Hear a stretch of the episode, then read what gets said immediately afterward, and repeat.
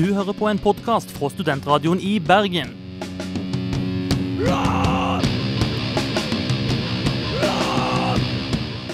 Denne og mange andre flotte podkaster finner du på podkast.srib.no.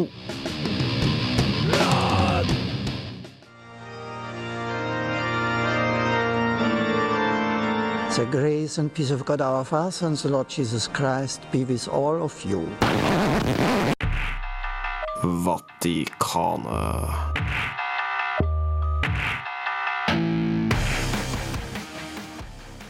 Det er lørdag, det er solskinn her i Bergen, og velkommen til Vatikanet nok en gang. Jeg heter Knut Gigstad.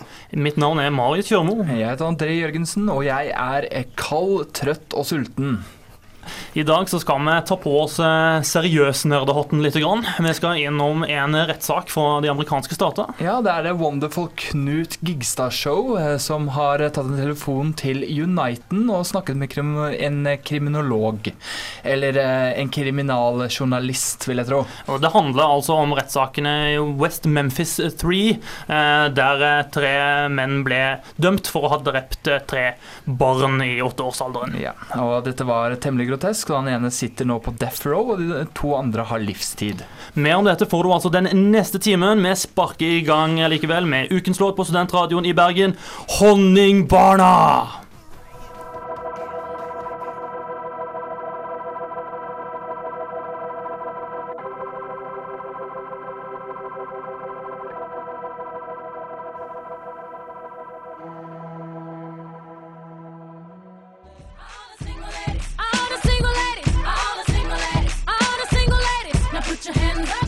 Nei, uh, hva går da? Hva går med damer? Um, jeg vet Mye ikke. alkohol.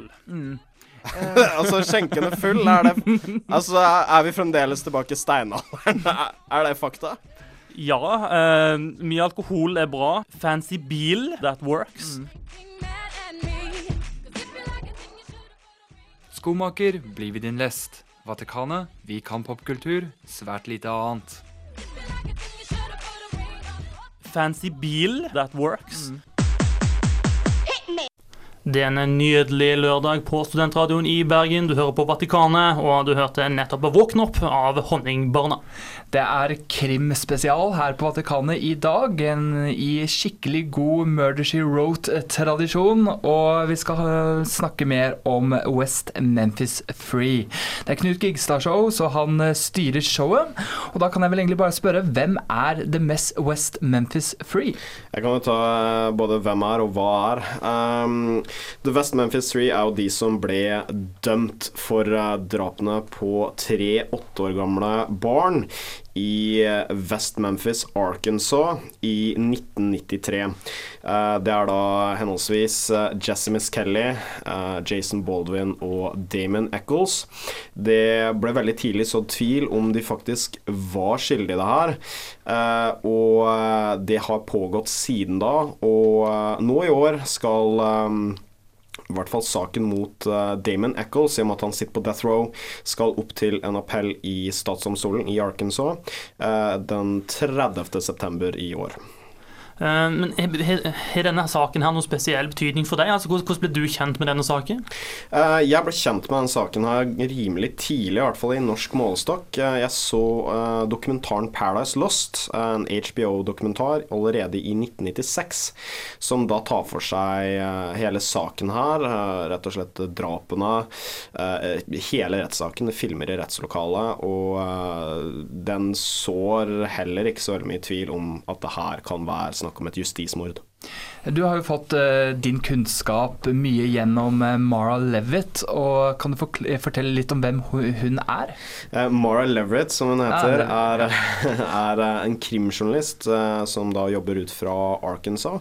Jobbet på en god del andre saker også. eh, men hun har skrevet en bok som heter eh, Devil's Not', som er da den mest eh, det, det mange eh, refererer til som kanskje den mest grundige gjennomgangen av eh, saken om The West Memphis Three.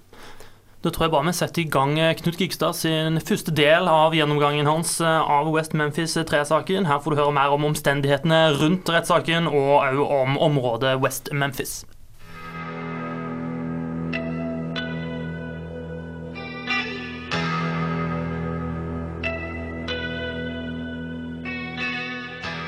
Den 6. mai 1993 våknet innbyggerne i West Memphis opp til en grusom overraskelse. Tre åtte år gamle barn, Steve Branch, Christopher Byers og Michael Moore, hadde blitt funnet nakne, bakbundet med skolisser og slått i hjel eller druknet i et område kalt Robin Hood Hills. I tillegg var et av ofrenes penis skamfert, og skrotumsekken var tilsynelatende fjernet, enten med kniv eller med et annet skarpt instrument i dette elveområdet. Drapet på de tre åtteåringene og den ille tilredningen av et av ofrene skapte en overbevisning om at det sto en satanisk kult bak. Politiet i West Memphis siktet og tiltalte tre tenåringer for drapene. Jesse Kelly, 17 år. Jason Baldwin, 16 år. Og han de mente var ringlederen, Damien Eccles, 18 år.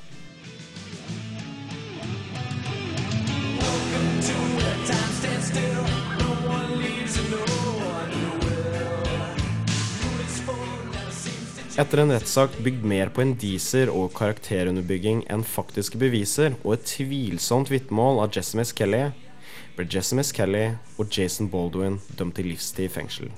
Og Damon Eccles ble dømt til døden.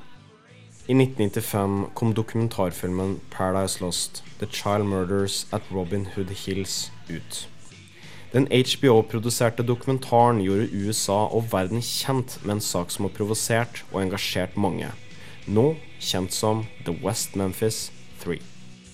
I 2002 kom en bok ut kalt Devil's Knot, skrevet av krimjournalist Mara Leverett. Devil's Knot har av mange blitt kalt den mest grundige gjennomgangen av saken, og på basis av dette kontaktet Vatikana Mara Leverett. I heard about the uh, murders right when they happened, as as everybody in this region did, and then I uh, became more interested. One month later, this was back in May of 1993, and in June 1993, when the uh, police said that they were arresting three teenagers, it I had been doing a lot of uh, reporting on crime and police work for uh, quite some time before that, and it struck me as a bit strange that three teenagers who did not have um, history of serious crimes in their background would become multiple murderers. And so I I watched it from a distance, uh, waiting for the trials to take place and to see what evidence the uh, police would present, uh, the, the prosecution would present. And I was very, very interested when they uh, began to talk about the motive for these murders being that this was some kind of occult or satanic ritual. By that time, I knew that the FBI had already investigated a great many uh, alleged cases of this and had not found any support for that at all. That that uh, this was kind of like an urban myth. So when that was presented as the as the um, motive for these these murders, I was very interested to see well what will they have to support it, and then when the trials ended and the verdicts were guilty for all three of the guys, but not but but as as I read the news accounts, I, I saw nothing presented to support this this theory, other than uh, what sounded like some very strange testimony by a guy who called himself an expert in the occult. Uh, then I went. That's when I started really. I went over to the police uh, to West Memphis, which is about a hundred miles from where I live, and I began to uh, go through all of the police files and the police records and become very familiar with the case. And the more familiar I became with it, the more I became convinced that uh, that there was really no substance to to it at all.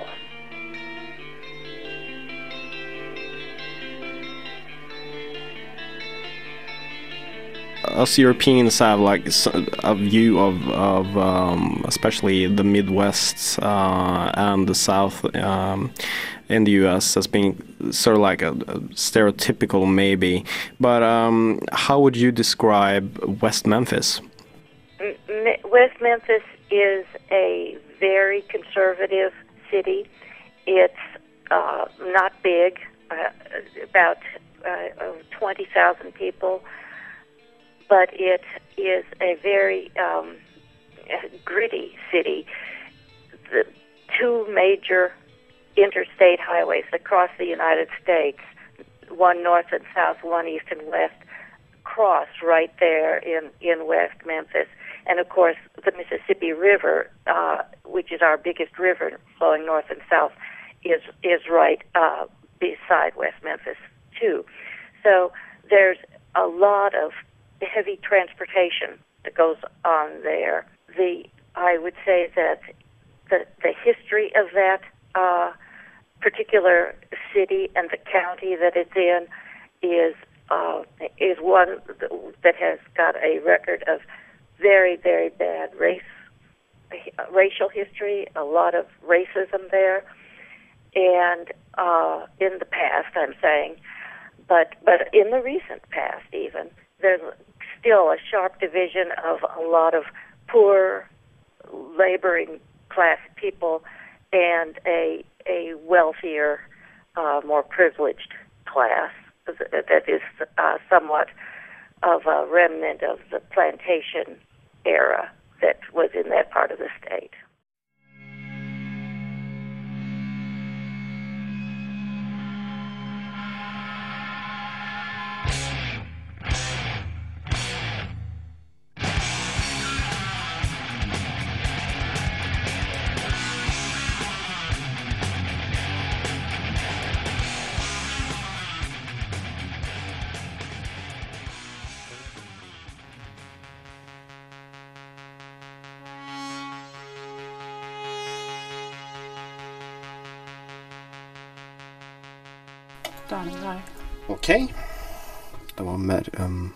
Det høres ut som jeg er under vann, og som jeg tar opp.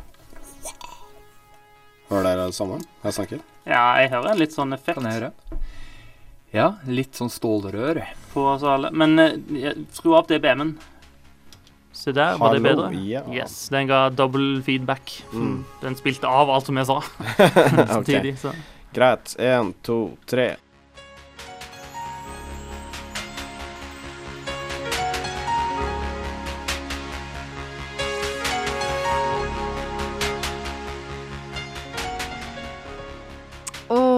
Vatikanet. Megadeth, eh, tilfeldigvis listet som en av favorittbandene til eh, West Memphis Free. Eh, låta var 'Lack of Comprehension'. Det er totalt feil. Låta er 'Killing Is My Business'. Riktig. I hvert fall vi holder oss til West Memphis 3 her i Vatikanet i dag. Og Knut, du har sett veldig mye nærmere på denne saken. Kan du fortelle litt om bevisgrunnlaget for eh, at disse, disse guttene ble dømt i 1994?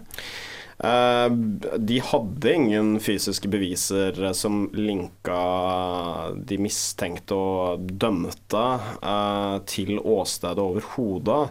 Eh, det eneste som på en måte linka de i det hele tatt til ofrene, var egentlig tvilsomme vitneutsagn som mente at de hadde sagt at de hadde drept de tre barna og skulle gjøre det igjen, eller tenkte på å drepe de, de tre barna. Men kanskje viktigste vitnemål der er fra Vicky Hutchinson. Jeg skal ikke nevne for mye navn, så jeg gjør det ytterligere forvirra. Men eh, eh, hun har senere gått eh, tilbake igjen på det vitnemålet. Men med dagens eh, CSI-teknologi, har man eh, funnet noen nye, nye spor, eller eh, det nytt bevismateriale som ikke kom til sin fulle da? Ja, jeg kan dele opp i to, to greier, da. Eh, fordi både politiet og aktoratet jobba ut fra en idé om at det her var et ritualdrap. Et, ut fra et satanistisk rituale.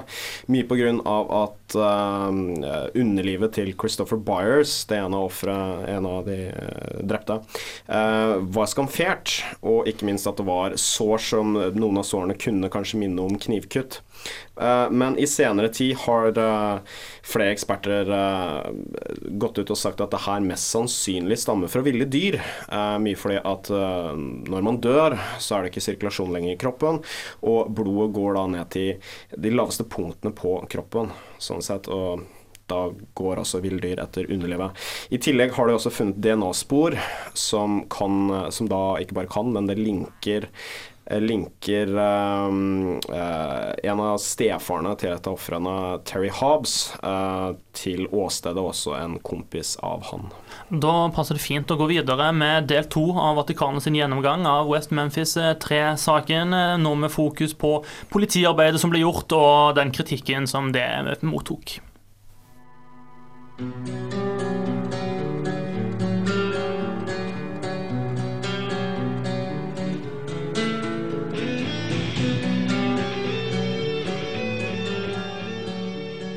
mai 1993 fikk politiet en telefon fra Mark Byers. Han etterlyste sin sønn som ikke hadde kommet hjem for kvelden.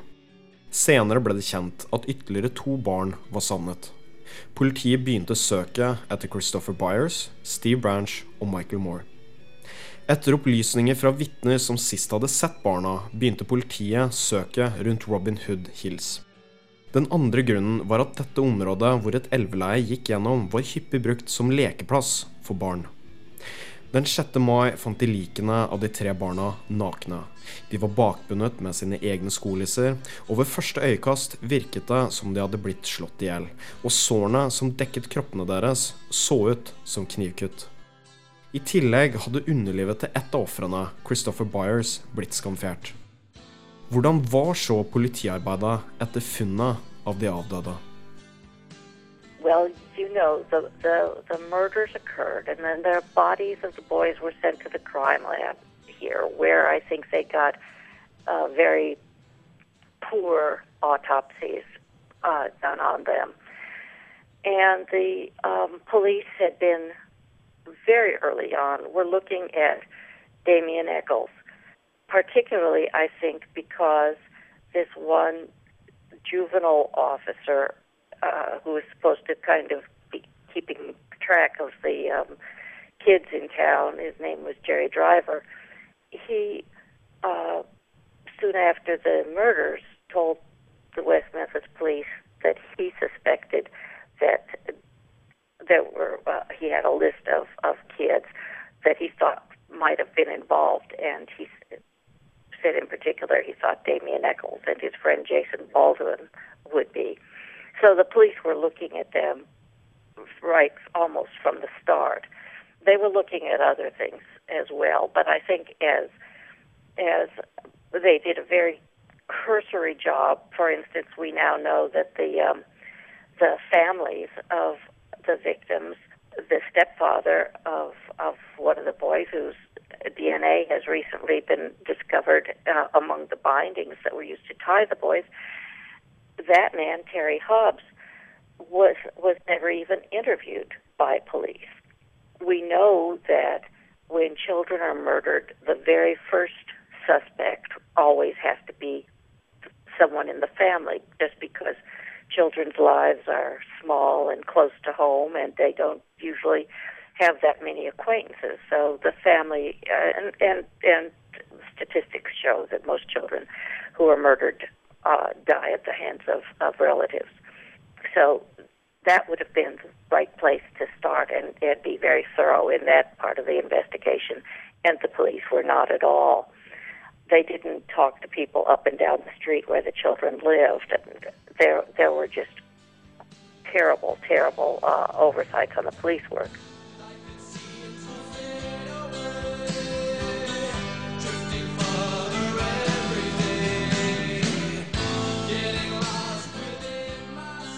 Robin Hood Hills ligger ved hovedaksen I-40, som går gjennom Vest-Memphis. I likhet med alle stater hvor det er mye tungtransport, så er det flust av veikroer og truckstops, hvor slitne trailersjåfører kan få en velfortjent hvil og en matbit. Ikke langt unna åstedet ligger restauranten Bojingles. Området var riktignok ikke en del av søksområdet den 5. mai 1993. Den samme kvelden som guttene ble meldt savnet, dukket en mistenkelig skikkelse opp på restauranten Bojingles.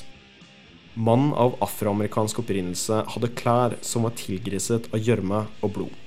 Mannen gikk inn på dametoalettet og forsøkte der å tørke av seg blodet. Han etterlot seg blodige papirrester, blod på veggen og et par solbriller. Politiet ble oppringt, men siden dette var utenfor søksområdet, ble det ikke tatt alvorlig før neste dag, da de døde kroppene av guttene ble funnet. Personalet hadde tatt vare på de blodige papirtørkerne, og dagen derpå, da de fant guttene livløse, ringte de opp politiet igjen og ba de hente mulige beviser. Hva skjedde med disse bevisene?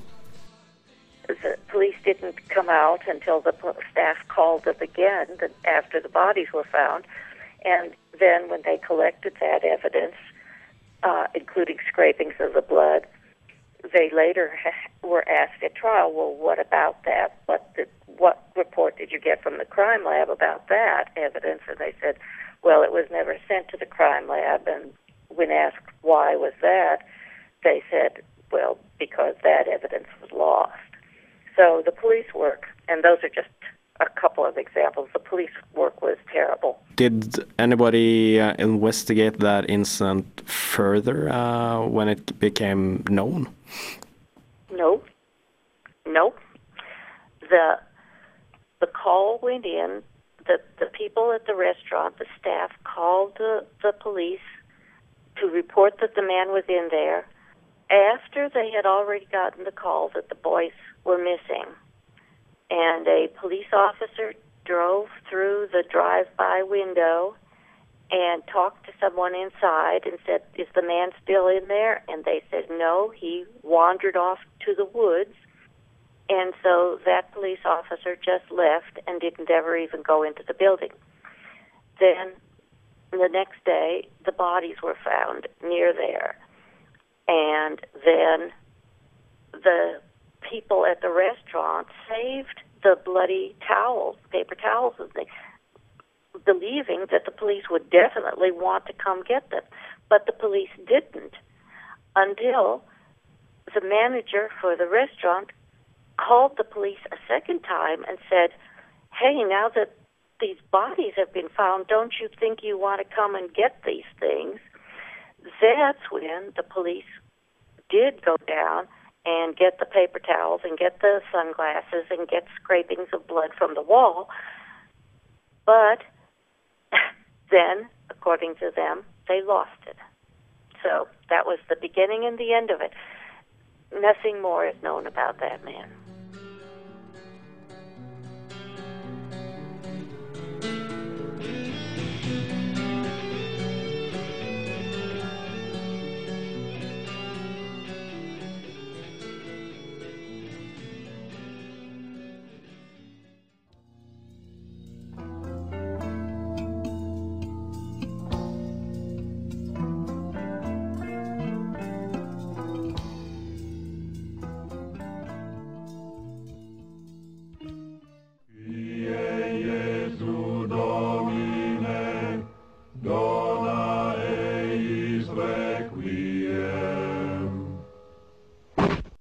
Vatikanet.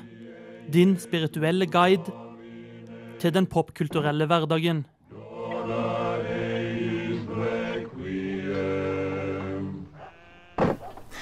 Du hører på Vatikanet, og slik eh, forrige utrodusering av eh, låt vitnet om, eh, mitt komplette uengasjement når det kommer til metal, men nå får du endelig lack of comprehension med death. Såkalt ninja metal som sniker seg innpå deg.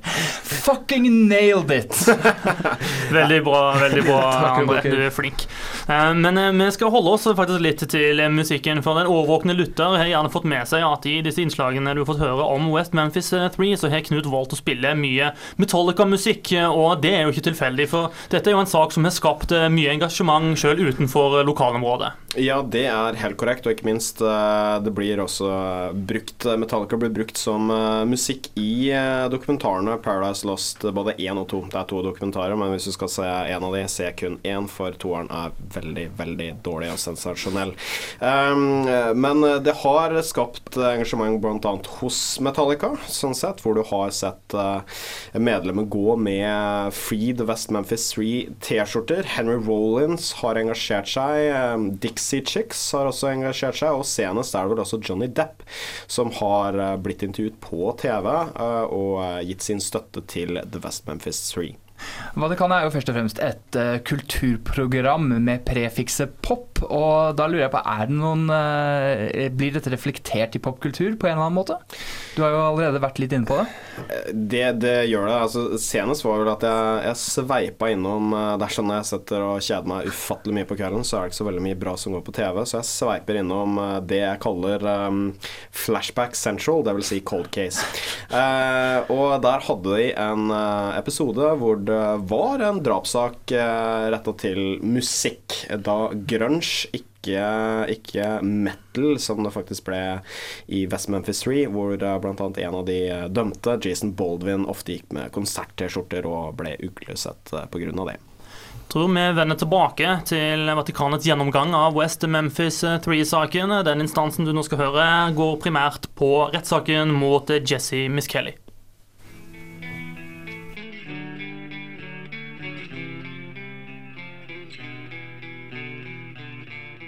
Drapene på de tre åtteåringene i West Memphis sjokkerte hele staten Arkansas. Ryktene begynte å gå. Var drapene en del av et satanisk rituale? Presset økte. Familier lot ikke barna leke ute, og foreldre ville heller ikke utenfor husets fire vegger. Politiet hadde ikke mye å gå på. Etter en måned og uten noen resultater sto tre individer i politiets søkelys. Etterforskerne begynte å konsentrere seg om to tenåringer, Damon Eccles og Jason Baldwin. En tredje mistenkt ble da brakt inn til avhør.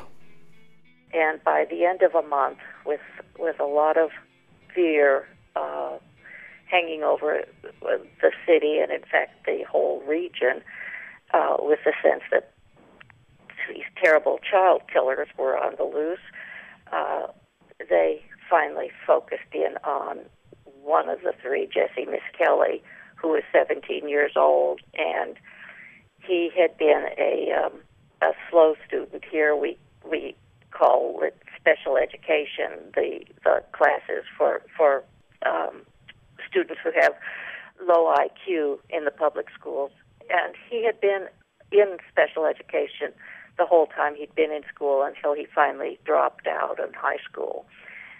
And even though, even knowing that, which the police did, they brought him in and questioned him for close to eight hours. He didn't have his parent present, parents, uh, any adult with him. He didn't have an attorney with him, and he, uh, after the after the police used a tactic on him that even our Supreme Court, in reviewing it, said that it it verged on being psychologically overbearing.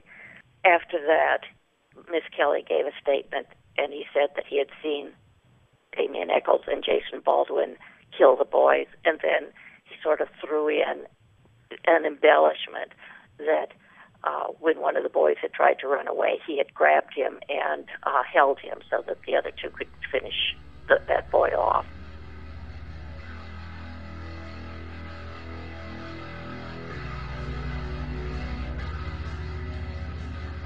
Avhøret av Jessmis Kelly ble avgjørende for utfallet av rettssaken mot han, og var det eneste beviset aktoratet hadde mot han. Politietterforsker Bryn Ridge, som var med under avhøret av Jessmis Kelly, var også med som vitne i saken. Dokumentarfilmen Paradise Lost filmet under rettssaken mot Jesse Miss Kelly. Her får du høre en bit av Forsvarets utspørring av politietterforsker Bryn Ridge. Initially, Mr. Miss Kelly denied any involvement whatsoever in this, didn't he? Yes, sir, he did. Officer Ridge, the photograph that was just introduced into evidence depicting uh, one of the boys' bodies, that was shown to Jesse, Yes, sir. and this was immediately prior to him admitting and telling you the story about being present when the boys were killed. Shortly before, yes, sir. Why did you guys do that? There had to be a reason to do that. There are times when Jesse would not be talking. He's, he's getting slower with information. He's, he's telling us things that are just, it's over and over the same thing. Those techniques are used to evoke a response. You and Inspector Gitchell did these things to invoke a response, Yes, sir. invoke confession. Invoke a response, keep him talking. Did it ever occur to you that uh, Mr. and Miss Kelly has a mental handicap? No, sir, it didn't to me on that day. Did you have any special training dealing with people with mental handicaps? No, sir. Did it ever occur to you that, that this was going to scare him, showing a picture of a body? That it would scare him, I don't know. I, I guess he's scared into making a statement. Yes, sir. De opplysningene som kom frem under avhøret av Jesse Miss Kelly, ble brukt mot han. Her vil du høre nok et klipp fra dokumentaren Paradise Lost under aktoratets utspørring av sjefsinspektør Gary Gitchell. Out of the hundred or more people that y'all talked to, are you aware of anybody other than the defendant who told you one of the victims that had their genitals removed, and one of them had cuts to the side of the face, and had been some grabbing of the ears? Uh, there was no one else that mentioned those particular injuries. And you yourself, Mr. Fogelman, you're pointing to the wrong side of the cheek. Selv om Forsvaret hadde ekspertvitner på området falske tilståelser, så ble Miss Kelly dømt på bakgrunn av hans tilståelse. Miss Kelly gikk også tilbake på det han hadde sagt under avhøret. Miss Kellys dom lød på livstid i fengsel. Tilståelsen til Miss Kelly er som tidligere nevnt ikke uproblematisk. Mara Leverett forklarer hvilke hull og feiltagelser det er i Jesse Miss Kellys tilståelse. He said that the boys were tied up with brown rope. The police and the prosecutors knew that they were tied with their own shoelaces, black shoelaces, white shoelaces, no brown rope at all. He said that they were sodomized. The, uh, the state pathologist found no evidence of that. He said that uh, they were beaten and stabbed while they still had their clothes on but the clothes were found intact. He said that the boys were, that they first went out to uh, to the area where the boys were killed in the early morning because the boys had sco- skipped school that day, and the police and prosecutors knew that the boys had been, in fact, in school all that day and had been last seen near dusk that night. So all of these errors, but the uh, the prosecutor was willing to overlook it, and when and on the basis of what Miss Kelly said, the other two were arrested. Miss Kelly recanted his statement the next day, but uh, it was two short parts of what he said were recorded, and then when he was put on trial, that those parts were played, and that was virtually all the evidence that they had against him. But uh, he was um, he he was convicted based on on that recording.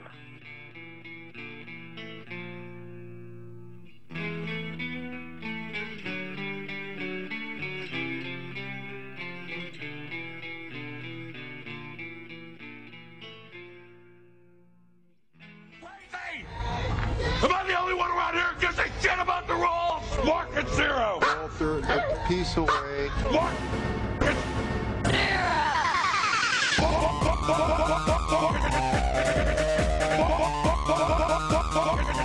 Vatikanet.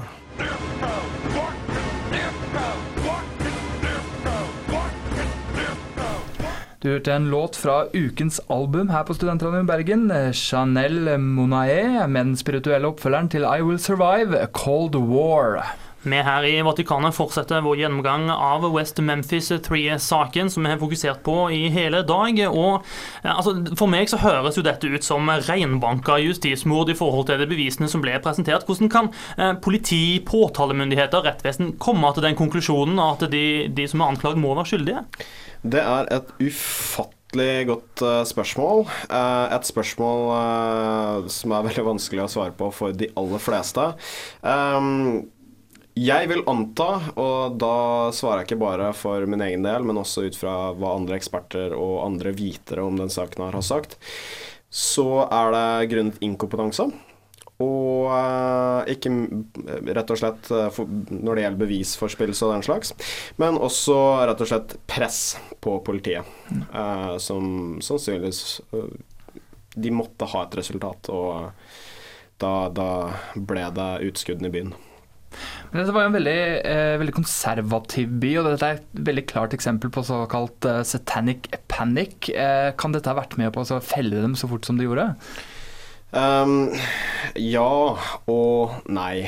Uh, altså uh, Sjølve virkelig satanic panic uh, hva gjelder USA, var virkelig, hadde virkelig USA i grepet på 80-tallet. Og da var det også en god del uh, en god del Eh, eh, det, det kom fram episoder hvor barn hadde sagt at de hadde blitt rituelt misbrukt av foreldre og den slags. Men altså, det hang igjen. Det, det gjorde det. Og eh, det har vel også vist seg det at eh, aktoratet ringte inn til eh, profilerne i FBI og spurte om de kunne bruke rett og slett et eh, At det var satanisme og et satanisk ritual som sto bak det. Og det som skjedde det, da, det var at en profiler bare lo, lo av det og sa at eh, det bør du helst ikke gjøre, for Forsvaret kommer til å eh, rett spise deg opp, så følg heller etter bevisene. Men det fantes ingen beviser. Men la oss høre litt mer fra rettssaken, som var mot de to andre tiltalte, Jason Baldwin og Damien Eccles.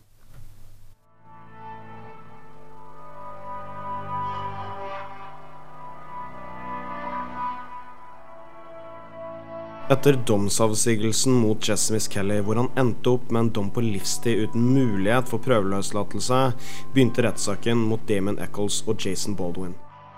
Jessimis Kelly hadde gått tilbake på sin tilståelse og ville ikke vitne mot Jason Baldwin og Damon Eccles. Ettersom underlivet til Christopher Byers hadde blitt skamfert, jobbet politiet og aktoratet ut ifra at det var snakk om et ritualmord, og at hovedmennene var satanister. Det var flere vitner som fortalte at de to tiltalte hadde snakket om drapene og hvordan de hadde utført det. Aktoratet hadde også et ekspertvitne på okkultisme, dr. Dale Griffiths. prosecutors had to prosecute Eccles and Baldwin without without any statement from Miss Kelly, and with them pleading that they were innocent.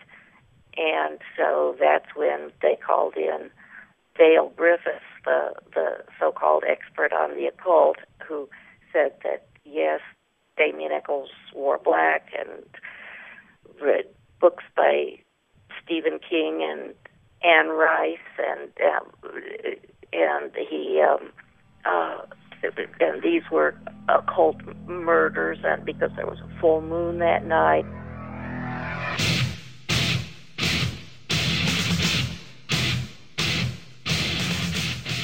Her følger et lydklipp fra filmen Paradise Lost. Dette er aktoratets utspørring av dr. Dale Griffiths. In looking at young people involved in the occult, do you see any particular type of dress? I have uh, personally observed people wearing uh, black fingernails, having their hair painted black, wearing black T-shirts. Sometimes they will tattoo themselves. Do you have an opinion as to whether or not there are occult overtones or evidence of occult involvement uh, in these particular murders? Well, the date being close to uh, Beltane, What a that? holiday, May 1st. Also, uh, the day before that is Walpersnot. Then you go into uh, the fact that some uh, groups, uh, occult cult groups, or, or will use a full moon. Uh, in several occult books, they will talk about the life force of the blood. Usually, the younger the individual, the more pure it is. Her følger nok et lydklipp fra filmen Paradise Lost. Dette er fra Forsvarets utspørring av dr. Dale Griffiths. How, how were you accepted into enrollment at Columbia Pacific University? I had to fill out a uh, considerable series of papers, including all my education, background, experience. Did you ever fill out a little flyer like this? No, sir. that said, call toll free for information on how to become a doctor? This is a mail order college, isn't it? What classes did you take between 1980 and 1982 to obtain your master's degree? What classes? I testified. I'm asking, Yeah. what classes? What classes did you take? I told you, I answered that before, none. You did not take any classes. Between 1982 and 1984, when you became a PhD, what classes did you take? No. No.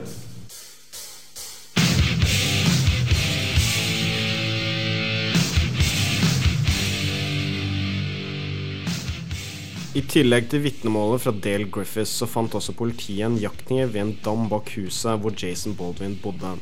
Men det var også her at vitnemålet til Jessimis Kelly dukket opp igjen. Baldwin and Eccles had both always said they didn't do it. And Miss Kelly would not repeat his his statement. He would not go into court and say what he had said before that he had seen them do it. So since Miss Kelly would not say it in court, uh, po- the police could not use his confession or anything he said in his trial. Although we now know, based on findings of what the jurors kept, records, notes that they kept, they they did know about it and they talked about that statement in the jury room, and and now that is part of part of their appeal that that that was. Uh, uh, illegal for the, the jurors to have considered that statement and kind of put all these things together in such a way that it, it worked, it con- convinced the jury, and they found both both of them guilty. Historien slutter imidlertid ikke her. Vi skal se på andre ytre faktorer som kan ha påvirket saken i negativ favør, og hvor saken står i dag. Alt dette vil du høre i neste del av saken om The West Memphis 3.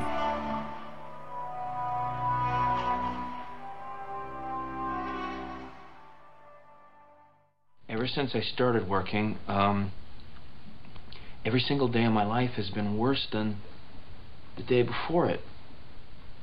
So that means that every single day that you see me, that's on the worst day of my life. What about today? Is today the worst day of your life? Yeah. Somebody somewhere looking for someone whose world I wanna share. Vatikanet. En hånd å holde i. That somehow I have missed. Wow, that's messed up. Det har vært en alvorstynga Vatikanet-sending som nå går mot eh, slutten. Vi lover å komme tilbake med litt mer lystige sprell senere, men vi er ennå ikke helt klar til å slippe taket på West Memphis 3-saken. Dere har i dag hørt uh, et intervju med Mar Leverett i fire deler, hvor uh, hun har gått igjennom um, åstedet, og ikke minst uh, omstendighetene rundt åstedet, og hvor det ligger hen i landet. West Memphis er da i Arkansas, ikke i Tennessee, men det er da rett og slett Mississippi-elva som deler det. I tillegg har du hørt hva som felte bl.a. Jessimus Kelly, som da var et vitnemål, som er ytterst tvilsomt, og ikke minst da Damon Eccles og Jason Baldwin på ytterst tvilsomme vitnemål, og eh, rett og slett hele grunnlaget for eh, saken om at det skal være et ritualmord eh, står på gyngende grunn. Vi skal fortsette litt eh, neste uke med hvor saken eh, står i dag, og eh, litt om eh, appellene som har blitt gjort eh, siden den tid. Ønsker du å høre denne sendinga om igjen? Klikk deg inn på podkast.srib.no, eller bare www.srib.no. Der er det alltid masse flott radiostoff både fra Vatikanet og fra resten av studentradioen. Jeg var i West Memphis plutselig. Her eh, skal vi si litt navn og sånn. Meryl Leverett eh, tenkte jeg på, men jeg heter Knut Gigstad.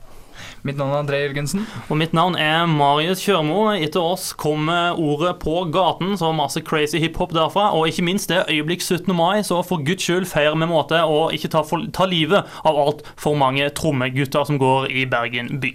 Tenkte jeg skulle, bare skulle minne dere på om hvis dere vil uh, finne mer ut om saken om The West Memphis Tree, så kan dere gå inn på følgende adresse. Det er westm3.org. Uh, ukens Nei, vi avslutter uh, denne sendingen med låta 'Lucky', og uh, gruppa er Holy Fuck.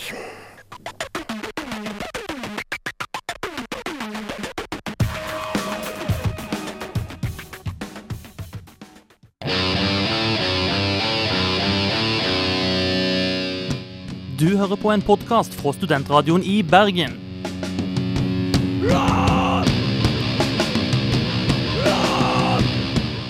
Denne og mange andre flotte podkaster finner du på podkast.srib.no.